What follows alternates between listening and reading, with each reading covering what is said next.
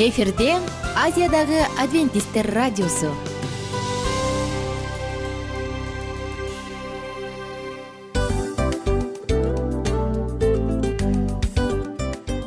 Достор салют. Баардык сүйүктүү угармандарыбызга салам айтабыз. Кутман күнүңүздөр менен.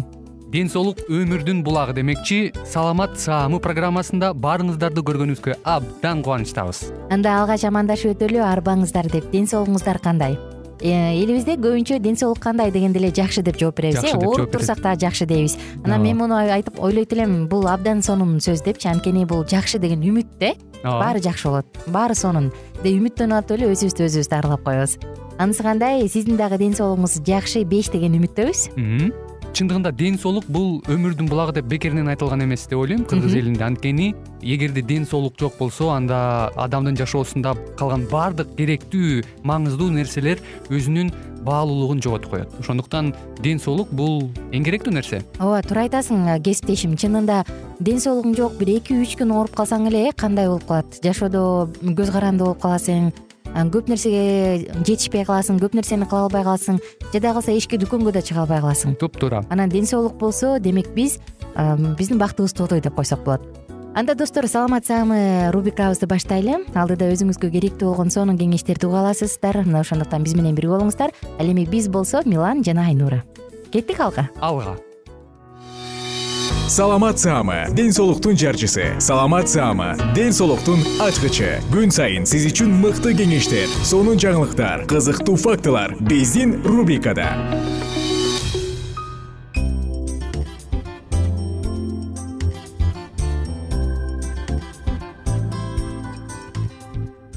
салам достор. Кутман күнүңүздөр менен жалпыңыздар менен дал ушул жыштыгыбыздан үн алышканыма абдан кубанычтамын. Саламат саама рубрикасы.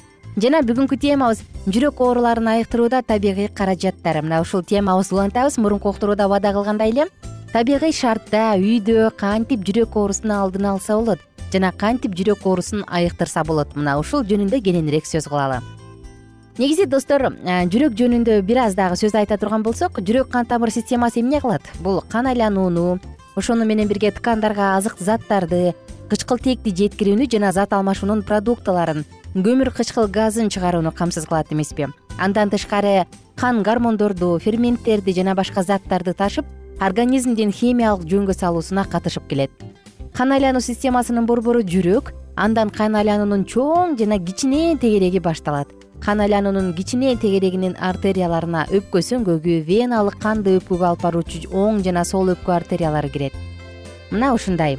Эми жүрөк кан тамыр системасын изилдөө жөнүндө сөз кылсак анын изилдөө ыкмалары өтө көп жана ар түрдүү. Мисалы жүрөк кишинин начарлашын оорулуу сурап билүү ошондой эле аны кармалап тыңшап көрүү күндүзгү жана түнкү зааранын көлөмүн өлчөө жүрөк менен өпкөнүн рентгенде изилдөө менен аныктап келишет. Ошондой эле жүрөктүн жыйрылуу функциясынын кээ бир көрсөткүчтөрүн баалоо үчүн бир канча татаал ыкмалар дагы бар. Эгер сиз кардиологический кардиологиялык борборго барсаңыз көрсөңүз келет. Жүрөк булчундарын кан менен камсыз кылуунун начарлашын миокарддын айрым бөлүктөрүнүн жабыркашын ошондой эле жүрөк ритминин бузулушун аныктоодо электрокардиография маанилүү ролду ойнойт. Ооруларды диспансерлик кароодо калктын массалык профилактикалык медициналык кароодон өткөрүүдө жана башка ал кеңири колдонулуп келет. Бул ыкма жүрөктүн ишемия оорусун билүүдө маанилүү. Анан тыңшайт жүрөктү анын жайгашуусун көлөмүн дагы өлчөп каккылуу ыкмалар менен колдонушуп жүрөк оорусун аныктап келет. Рентген диагностикасы бар жүрөк кан тамыр системасынын ооруларын изилдөөчү ар кандай аппараттар бар. Мына булардын баардыгы азыркы заманда жеткиликтүү ооруларго ооруну билдик. Кандай кылып дарылаш керек? Эми сиздерге сунуштарыбыз кандай ыкмаларды колдонуп жүрөк оорусун айыктырса болот? Бирок дагы бир жолу баса белгилей кетейин достор. Эгерде сиздин жүрөгүңүздө көйгөй бар болсо анда биз айткан кеңештен мурун сөзсүз түрдө биринчи доктуруңузга барыңыз. Жүрөк оорусу боюнча адиске бардыңыз кардиологко барыңыз. Анан аны менен кеңешкенден кийин негизги чыныгы себебин билгенден кийин гана дарыланууга киришиңиз. Кудай сактасын жакшы артык кылам деп тыртык кылып албайлы. Жакшы болом деп тескерисинче күчөтүп албайлы. Ошондуктан алгач сөзсүз түрдө жүрөк оорусунун кайсы түрү эмне себептен экенин билип алуу зарыл. Эми жүрөк оорулуу адамга кеңеш бере кетели бир нече кеңештер. Сизге жардам берет деп ишенем бирок дагы бир жолу айтайын. Сөзсүз кардиологко биринчи барып кеңеш алыңыз. Жүрөккө жасалуучу муздак компресс муздак компресс нерв системасын кыжырдануунун баардыгын тең тынчтандырат. Жана тахикардия бар болсо аны жайлантат. Эгерде тез тез жүрөк соксо э анда жүрөк согуусу бир аз басаңдайт. Ошондой эле аритмияда дагы жакшы жыйынтык берет. Ал үчүн эмне кылыш керек? Биринчи чүпүрөктү муздак сууга чылаңыз анан аны сыгып алыңыз дагы жүрөгүңүздүн жүрөк туш тарапка коюңуз койгондон кийин үстүнөн фланель же болбосо жүндөн жасалган одеялдар бар эмеспи жылуу? Ушундай менен жаап коюңуз. Ал болсо сөзсүз түрдө компресс жылып анан кийин жүрөктөн ысык температураны соруп алат. Ысык температураны. Суунун температурасы болгону төрт градустун гана тегерегинде болуш керек. Мындай компрессти беш мүнөттөн он мүнутка чейин жасасаңыз жетиштүү. Андан кийин достор төш тарабыңызды кийим менен жаап бир нече мүнөт жатып эс алыңыз күнүнө үч төрт жолу жасасаңыз жетиштүү. Эгерде таптакыр мүмкүн болбой баратса күнүнө бир жолу жасап коюңуз. Бул биринчи кеңеш. Экинчи кеңеш. Жүрөккө жасалуучу ысык компресс. Таң каласыз э? Ооба бул ысык компресс эмне үчүн керек? Коронардык артериялардын кеңейиши үчүн абдан маанилүү. Бул болсо стенокардия оорусун айыктырууда абдан жакшы жардам берет. Суунун температурасы кырк эки градус болушу керек. Бул процедураны жасаш үчүн дагы беш мүнөттөн он мүнутка чейинки убакыт жетиштүү. Ысык чүпүрөктү жана жогорудагыдай эле төш тарапка жүрөк тарапка коесуз сыгып алып туруп анан үстүнөн жылуу бир нерсе жаап коюңуз. Аны бүткөндөн кийин төш жаагыңызды сөзсүз жаабыңыз дагы бир нече мүнөт жатып эс алыңыз күнүнө бирден үч жолуга чейин жасасаңыз жетиштүү мына ошондуктан жылуу ойдон жатып жылуу ойдон туруп кеткенге аракет кылыңыз жана дагы бир сонун таасир берүүчү метод бул колдор үчүн жасалуучу ысык ванна. Ысык ваннаны кадимки эле жүрөктүн артериясын төштү кеңейтиш үчүн абдан маанилүү ысык суу мына бул тарапка бул үчүн ысык сууга эки колуңузду тең бир учурда саласыз. Кан тамыр жогорулап кеткенде стенокардия жүрөктүн жетишсиздигинде жакшы жардам берүүчү ыкма суунун температурасы отуз алтыдан кырк градуска чейин болгону жетиштүү. Эң эле көп болсо кырк төрт градус болсун бирок андан ашык эмес. Колуңузду он мүнөттөн он беш мүнөткө чейин ысык сууга саласыз. Андан кийин колду жакшылап сүртүп жылуу кийим кийип алып жатыңыз. Күнүнө бир эки жолу жасасаңыз жетиштүү. Үчүнчү кезекте вино жөнүндө сөз кылалычы. Вино чын эле ден соолук үчүн пайдалуубу. Бир нече он жылдыктардан бери баягы адамдар айтып келишкен э ай элүү грамм серпетип кой элүү грамм ичип кой эчтеке болбойт депчи. Алкоголдук кандай гана суусундук болбосун винобу булардын баардыгын тең бир аз ичип кой деп көндүрүп келишкен. Бирок достор акыркы окуу изилдөөлөрдө окумуштуулар эч кандай арак эч кандай вино күнүнө отуз граммдан аз болобу миллиграммдан. Баары бир баары бир жүрөккө эч кандай жакшы таасир тийгизбейт тескерисинче ал төш боор ооз көңдөйү кекиртек тамак сиңирүүчү органдардын рак оорусун пайда кылат дешкен. Элестетиңиз андан тышкары кан басымын дагы жогорулатат дейт. Ошондуктан жүрөгүңүз ооруса эч качан отуз граммбы элүү граммбы серпетпеңиз алып ичпей эле коюңуз. Ал эми бүткүл дүйнөлүк саламаттыкты сактоо уюму эмне дейт? Алар мындай дейт эгер адам таптакыр арак ичпесе жүрөгүң оорубайт деп ичирип кыйнабаңыз дейт. Эгерде адам тескерисинче арак ичип жүрсө аны колдон келишинче арактан баш тартууга көндүрүңүз дешет. Мынакей достор. Анын ордуна таза сыгылган жүзүмдүн ширесин ичиңиз. Бул чындыгында жакшы. Илгери эле соломон сулайман падыша айткан э? Виного караба дейт шарапка ал. Кандай кызарып кызарып жатканын караба дейт. Анысы кандай? Вино алкоголдук ичимдик адамдын ден соолугуна бир гана зыянын тийгизет. Мен болсо сиздер менен коштошом. Кийинки уктуруудан кайрадан амандашканча сак саламатта туруңуздар. Күнүңүздөр көңүлдүү улансын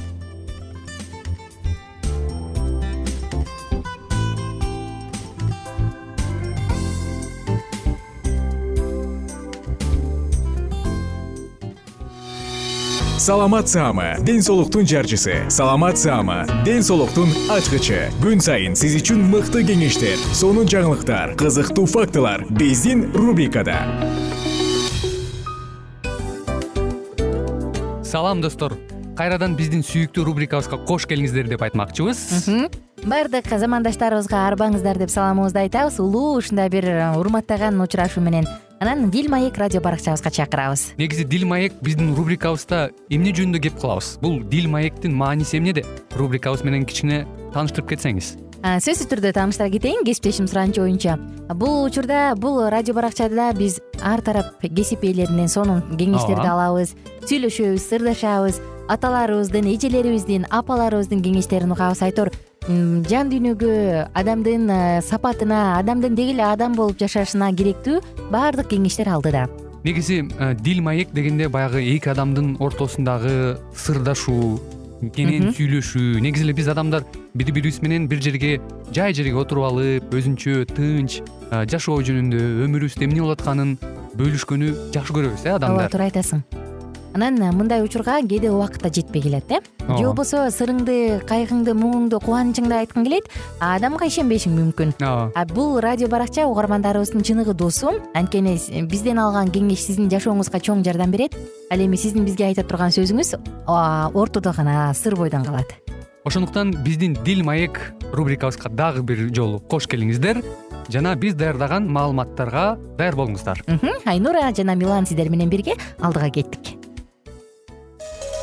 ар түрдүү ардактуу кесип ээлеринен. Алтын сөздөр жүрөк ачышкан сыр чачышкан сонун маек. Дил маек рубрикасында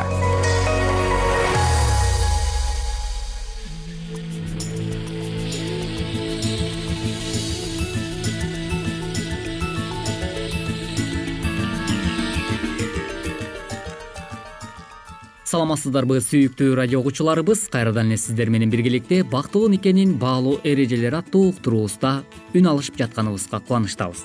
Бүгүнкү программабыздын темасы баланы инсан катары кантип тарбиялашыбыз керек? ушул туурасында сөз кылабыз. Кайрадан эле кызматыңыздарда аты жөнүм мен улан кубанычбеков жана ошондой эле менин кесиптешим. Саламатсыңарбы жана мен асель мамбетова. Кымбаттуу радио каармандар бүгүнкү программада биз баланы инсан катары кантип тарбиялаш керек анткени ата эне ага кандай мамиле кылса айлана чөйрөдөгү адамдар да ошондой мамиле кылып баланын келечеги ошого жараша курулабы демек ушул суроолордун айланасында бүгүнкү уктуруубузда баяндамакчыбыз. Мисалы үй бүлөдө кээ бир балдарды карасак өздөрү жакшы мамилеге айрымдары болсо урушууга тартып турат. Мисалы ошондой эле үй бүлөдө беш бала болсо алардын кыял жоругу мүнөздөрү ар башка болот эмеспи баланын кыялдары мүнөздөрү ата эненин тарбиясына дагы жараша болот. Мисалы уялчаак тартынчаак жер карап турган сүйлөбөгөн балдар ошол эле учурда тапан урушчаак колу туткак балдар дагы бар эмеспи ошентип үй бүлөдө кандай тарбия берилсе бала айлана чөйрөдөгүлөргө дагы ошондой таасирин тийгизет. Мисалы акыркы учурда ата энелер балдарды уурдап кетет деген тааныш эмес киши менен сүйлөшпө тигини өлтүрүп кетиптир деген терс маанидеги кабарларды көп жолу эле балага айткан сайын баланын айлана чөйрөгө болгон ишеними жоголуп аны душман катары кабыл алып баштайт. Душмандардан дайыма эле коргонуп дайыма эле чыңалуунун үстүндө болуп мени чаап жиберет деген сыяктуу түрдө ой жүгүртүп калат. Бала канчалык деңгээлде ушул нерселердин үстүнөн ой жүгүрткөн сайын анын жашоосунда дагы ошондой коркунучтар кайталана берет. Адатта бул жаатта ардактуу радио каарманым сизде мындай деген дагы суроо жаралышы мүмкүн ар бир баланын мүнөзү гана өзүнө гана тиешелүү. Албетте туура ар бир баланын мүнөзү өзүнө тиешелүү. Мындан сырткары анын жеке сапаттары. Адатта болсо ата эне эмнеге аны өзгөрткүсү келе берет деген дагы ой жаралышы мүмкүн. Келиңиздер анда эмесе бул суроонун тегерегинде дагы ой жүгүрткөнгө аракеттенип көрөлү. Эгерде биз кимдир бирөөнү өзгөртүүгө аракет кылсак ал сөзсүз түрдө каршылык кылат. Каршылык көрсөткөндөн кийин жакшы жыйынтык алып келбейт мүнөздү өзгөрткөндөн мурун балага болгон көз карашты өзгөртүшүбүз керек. Өзүбүз мамилебиз өзгөргөн сайын бала ошончолук өзгөрө баштайт. Мындай бир учурлар болгон бир бала үйүнө такыр эле түнөбөй тентектерге кошулуп качып кеткенди адат кылып алган. Үйдөгүлөрү сүйрөп келип эшик терезесин жаап камап көрүшсө дагы кайра эле качып кетет анан ата эне өздөрү олтуруп алып балага мээрин берип биз сени жакшы көрөбүз деп кайра кайра айта башташат. Бала бир канча күндөн кийин үйүнө кайтып келип жаман балдардан алыстайт. Биз эмне кылдык? Балага болгон көз карашыбызды өзгөрттүк. Балага канчалык көз карашты өзгөрткөн сайын ал дагы биз күткөн нерсеге келет албетте чындап эле балдарыбызга карата болгон мээрим сүйүүнү жетиштүү бере турган болсок анда ал бала эч убакта үйдөн качпайт деп дагы кепилдик бере алсак болот экен. Мына ушул нерселерди дагы ар дайым эске ала жүрүү маанилүү эмеспи ал эми мындан сырткары дагы төмөндөгү бир нече кеңештерге дагы назарыңызды оодарып өтөлү. Балаңызды эч убакта бирөөгө салыштырбашыңыз керек. Карачы тигинин баласы тентек кылбай эле отурат го десек бала ого бетер тентек кыла берет адатта бала бул сөздү укканда тиги баладан өзүн кем сезгиси келбейт. Андыктан ар бир баланын өз жан дүйнөсү бар экендигин эч убакта унутпайлы. Ошондой эле кээ бир учурда эмне үчүн балага болгон ишеним артуубуз жок болот. Бул туурасында дагы бир нече кеңештерге кулак салыңыз. Коргоо жаратылыштан берилген инстинкт ата энелердин өздөрүнө айлана чөйрөгө жаратылышка болгон ишеним жоктугунан улам. Баланы катуу көзөмөлгө алышат. Биздин массалык маалымат каражаттарында баланчаны унаа сүзүп кетиптир. Түкүнчөнү уурдап кетиптир деген маалыматтар көп болсо адамдын аң сезиминде коркунуч орноп калат. Анан баласын эч жака чыгаргысы келбейт. Теше тиктеп кармап отуруп алышат. Биз баланы канчалык деңгээлде тегеректей берсек алардын дагы аламга болгон ишеними жоголот бул нерсенин негизги себеби баласына жакшылык кылайын жамандыктан коргоюн деген эле аракет. Бирок кичине чек болуш керек. Бала деле айланасы менен байланышууну үйрөнүшү зарыл. Үй бүлөдө баланын башкалар менен мамиле түзүп сүйлөшүп кете алышына атасы маанилүү роль ойнойт. Атасы айлана чөйрөгө кандай мамиле жасаса бала так ошол мамилеге аралашып көнөт. Ошого жараша үлгү алат. Ошондуктан кымбаттуу ата энелер кыргыз элинде айтылгандагы жакшынакай накыл кеп бар эмеспи. Аккан арыктан суу агат демекчи. Демек урматтуу аталар биз балдарыбызды кандай нукка буруп жатабыз ушул нерсеге көңүл бурганыбыз абдан маанилүү экен. Демек бул жакта дагы мындай деген дагы суроо туулуп калышы мүмкүн. Балага өтө эле үйрүлүп түшүүнүн өзү туурабы. Маселен ал көптөн бери күткөн бала же жалгыз бала же жалгыз кыз болсо. Өтө эле үйрүлүп түшүүнүн дагы баланын келечегине балта чаап салбайбы? Бул туурасында дагы ар бир ата эне ой жүгүрткөнү зарыл экен. Балага ашыкча мээрим төгүү деген нерсе жок. Бул жерде ашыкча коргоп үстүнө үйрүлүп түшүү тууралуу кеп болууда. Жалгыз балдарды оорубасын көңүлү калбасын кырсыкка учурабасын деп корккон сайын ошол нерсе болушу мүмкүн болот мындай ыкма эки гана нерсеге алып барат. Биринчиси ата энесинин айтканынан чыкпаган. Алар жок өз алдынча эч нерсе жасай албаган мажүрөө болуп чоңоет. Экинчиси ашыкча камкордуктан буулугуп агрессивдүү болот. Ал үчүн жалгыз бала болуу же көп бала болобу балага жоопкерчиликти моюнга алганга үйрөтүп эркиндик бербеш керек андыктан кымбаттуу ата энелер сөзсүз түрдө балдарыбызды жоопкерчиликтүүлүккө үйрөткөнүбүз дагы абдан маанилүү болуп саналат экен. Мисалы балаңыз эшиктен келери менен өзүнүн кийимдерин илгичке илгенге үйрөткөнүбүз маанилүү.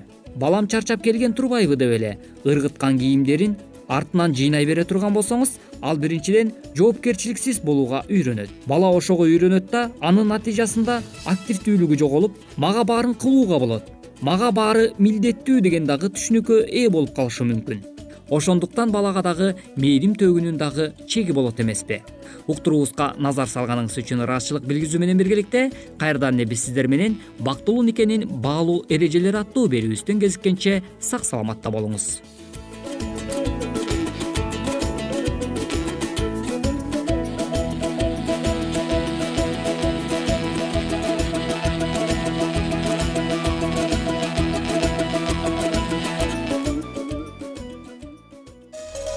ар түрдүү ардактуу кесип ээлеринен алтын сөздөр жүрөк ачышкан сыр чачышкан сонун маек дил маек рубрикасында.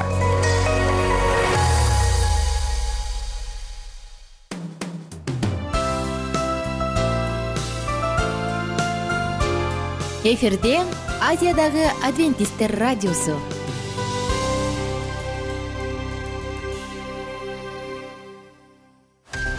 жан дүйнөңдү байыткан жүрөгүңдү азыктанткан жашооңо маңыз тартуулаган жан азык рубрикасы.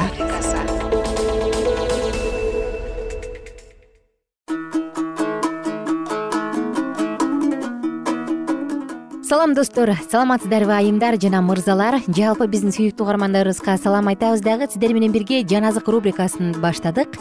Жана бүгүнкү рубрикада биз бирге забур китебин окуганды улантабыз. Алдыдагы мүнөттөр жакымдуу мүнөттөрдөн болсун. жүз он сегизинчи бап. жүз он сегизинчи забур. жүз бешинчи аяттан ары андан ары улантабыз. Сенин сөзүң бутума шам жолума жарык. Мен сенин адилет мыйзамдарыңды сактоону убада кылгам ошондуктан аткарам.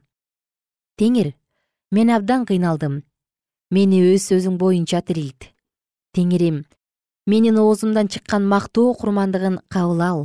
Мага өзүңдүн мыйзамыңды үйрөт. Менин жаным ар дайым коркунучта бирок сенин мыйзамыңды унутпайм. Кудайсыздар мага тор жайышты. Бирок мен сенин буйруктарыңдан четтеген жокмун.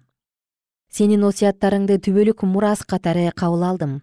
Анткени алар менин жүрөгүмдүн кубанычы мен жүрөгүмдү сенин буйруктарыңды дайыма өмүрүмдүн акырына чейин аткарууга бурдум. Жаман ойлуу адамдарды жек көрөм. Ал эми сенин мыйзамыңды сүйөм. Сен менин баш калкалар жайымсың калканымсың. Сенин сөзүңө таянам. Мыйзамсыздар мага жолобогула мен өзүмдүн кудайымдын осуяттарын аткарам. Жашашым үчүн мага өз сөзүң боюнча күч бер. Үмүттөнгөнүм үчүн мени уятка калтырба. Мени колдо. Ошондо мен куткарылам. Сенин мыйзамдарыңа дайыма көңүл коем мыйзамдарыңдан четтегендердин баарын сен кулатасың. Анткени алардын куулугунан эч нерсе чыкпайт. Жер үстүндөгү кудайсыз адамдардын баарын сен гүлдөй сапырасың. Ошондуктан мен сенин осуяттарыңды сүйөм. Сенин коркунучуңдан денем титирейт мен сенин жазаларыңдан корком мен баарын адилеттик жана чындык боюнча кылдым. Менин куугунтуктоочуларымдын колуна салып бербе. Өз кулуңа болуш текеберлер эзбейсин. Сенин куткарууңду жана акыйкат сөздөрүңдү күтө берип көзүм таалыды өз кулуңа өз ырайымың боюнча ырайым кыл. Мага өз мыйзамдарыңды үйрөт. Мен сенин кулуңмун мага акыл бер. Ошондо мен сенин осуяттарыңды түшүнөм теңирдин чара көрө турган убакыты келди. Анткени сенин мыйзамыңды бузушту. Мен болсо сенин осуяттарыңды алтындан да таза алтындан да жакшы көрөм. Сенин буйруктарыңдын баарын адилеттүү деп эсептейм. Жалган жолдорду жек көрөм. Сенин осуяттарың кереметтүү ошондуктан алар менин жүрөгүмдө сакталуу. Сенин сөздөрүңдөн алган ачылыш көздү ачат жөнөкөйлөргө акыл берет мен оозумду кактап ачып жатам. Анткени сенин осуяттарыңды эңсеп турам. Ысмыңды сүйгөндөргө кандай назар салып ырайым кылсаң мага да ошондой ырайым кыл. Буттарымды сенин сөздөрүң менен жүргүдөй кылып бекемде эч бир мыйзамсыз иштин мени билип алуусуна жол бербе. Мени адамдын эзүүсүнөн куткар. Ошондо сенин буйруктарыңды аткарам. Өз кулуңду өз жүзүң менен жарык кыл мага өзүңдүн мыйзамдарыңды үйрөт. Сенин мыйзамыңды сактабай жатышкандыктан көзүмдүн жакшы көл болду. Сен адилетсиң теңирим. Сенин мыйзамдарың да адилет. Осуят кылган көрсөтмөлөрүң адилет туптуура. Мени кызганыч жеп жатат. Анткени менин душмандарым сенин сөздөрүңдү унутуп коюшту. Сенин сөзүң абдан таза. Сенин кулуң аны сүйөт мен кичинекей жек көрүндү адаммын бирок сенин буйруктарыңды унуткан жокмун. Сенин адилеттигиң түбөлүктүү сенин мыйзамың чындык.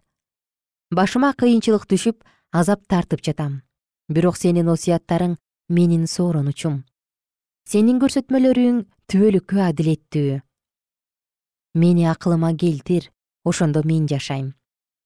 Сени чын жүрөгүмдөн чакырам теңирим. Мени ук ошондо мен сенин мыйзамдарыңды сактайм сени чакырам мени куткар ошондо сенин осуяттарыңды сактайм. Таң заардан сени чакырам сенин сөзүңө таянам. Сенин сөзүңдү терең түшүнүш үчүн түнү менен кирпик какпай чыгам. Өзүңдүн ырайымың боюнча менин үнүмдү ук теңирим. Өз адилеттигиң боюнча мени тирилт. Жамандык ойлогондор мага жакындап калышты. Алар сенин мыйзамыңдан алыс. Сен жакынсың теңирим сенин осуяттарыңдын баары чындык. Өзүңдүн осуяттарыңды түбөлүккө орноткоюңду мен мурунтан эле билем. Менин азап тартып жатканыма назарыңды салып мени куткар. Анткени мен сенин мыйзамыңды унуткан жокмун. Менин ишиме киришип мени корго мени өз сөзүң боюнча тирилт. Куткарылуу кудайсыздардан алыс анткени алар сенин мыйзамдарыңды издешпейт. Сенин боорукердигиң чексиз теңирим мени өз адилеттигиң боюнча тирилт мени куугунтуктагандар душмандарым көп бирок мен сенин осуяттарыңдан четтеген жокмун. Сенин сөзүңдөн четтегендерди көрүп капа болом анткени алар сенин сөзүңдү сакташкан жок. Сенин буйруктарыңды кандай сүйөрүмдү көр. Өзүңдүн ырайымың боюнча мени тирилт сенин сөзүңдүн негизи чындык сенин ар бир адилет өкүмүң түбөлүктүү.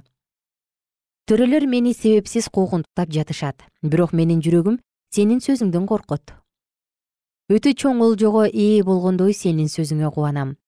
Жалганчылыкты жек көрөм. Андан жийиркенем сенин мыйзамыңды болсо сүйөм. Адилет өкүмдөрүң үчүн сени бир күндө жети жолу даңктайм. Сенин мыйзамдарыңды сүйгөндөрдүн тынчтыгы зор аларга бөгөт жок. Сенин жардамыңа таянам теңирим сенин осуяттарыңды аткарам. Сенин осуяттарың менин жүрөгүмдө сакталуу мен аларды абдан сүйөм. Сенин буйруктарың менен осуяттарыңды аткарам. Анткени менин бардык жолум сенин алдыңда. Менин зар муңум сага жетсин теңирим өз сөзүң боюнча мага акыл бер. Менин жалынуум сенин алдыңда келсин. Өзүңдүн сөзүң боюнча мени куткар. Сен мага өзүңдүн мыйзамдарыңды үйрөткөндө менин оозумдан сени мактаган сөздөр чыгат. Менин тилим сенин сөзүңдү жарыя кылат. Анткени сенин осуяттарыңдын баары адилет сенин колуң мага жардам берүүгө даяр болсун. Анткени мен сенин буйруктарыңды тандап алдым. Сенин жардамыңды зарыгып күтүп жатам теңирим сенин мыйзамың менин сооронучум. Менин жаным жашасын. Сени даңктасын. Сенин адилеттигиң мага жардам берсин. Мени жоголгон койдой адашып калдым.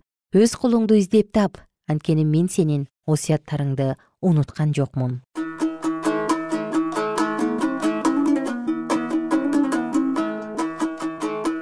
кымбаттуу достор кийинки уктуруудан кайрадан амандашканча сак саламатта туруңуздар.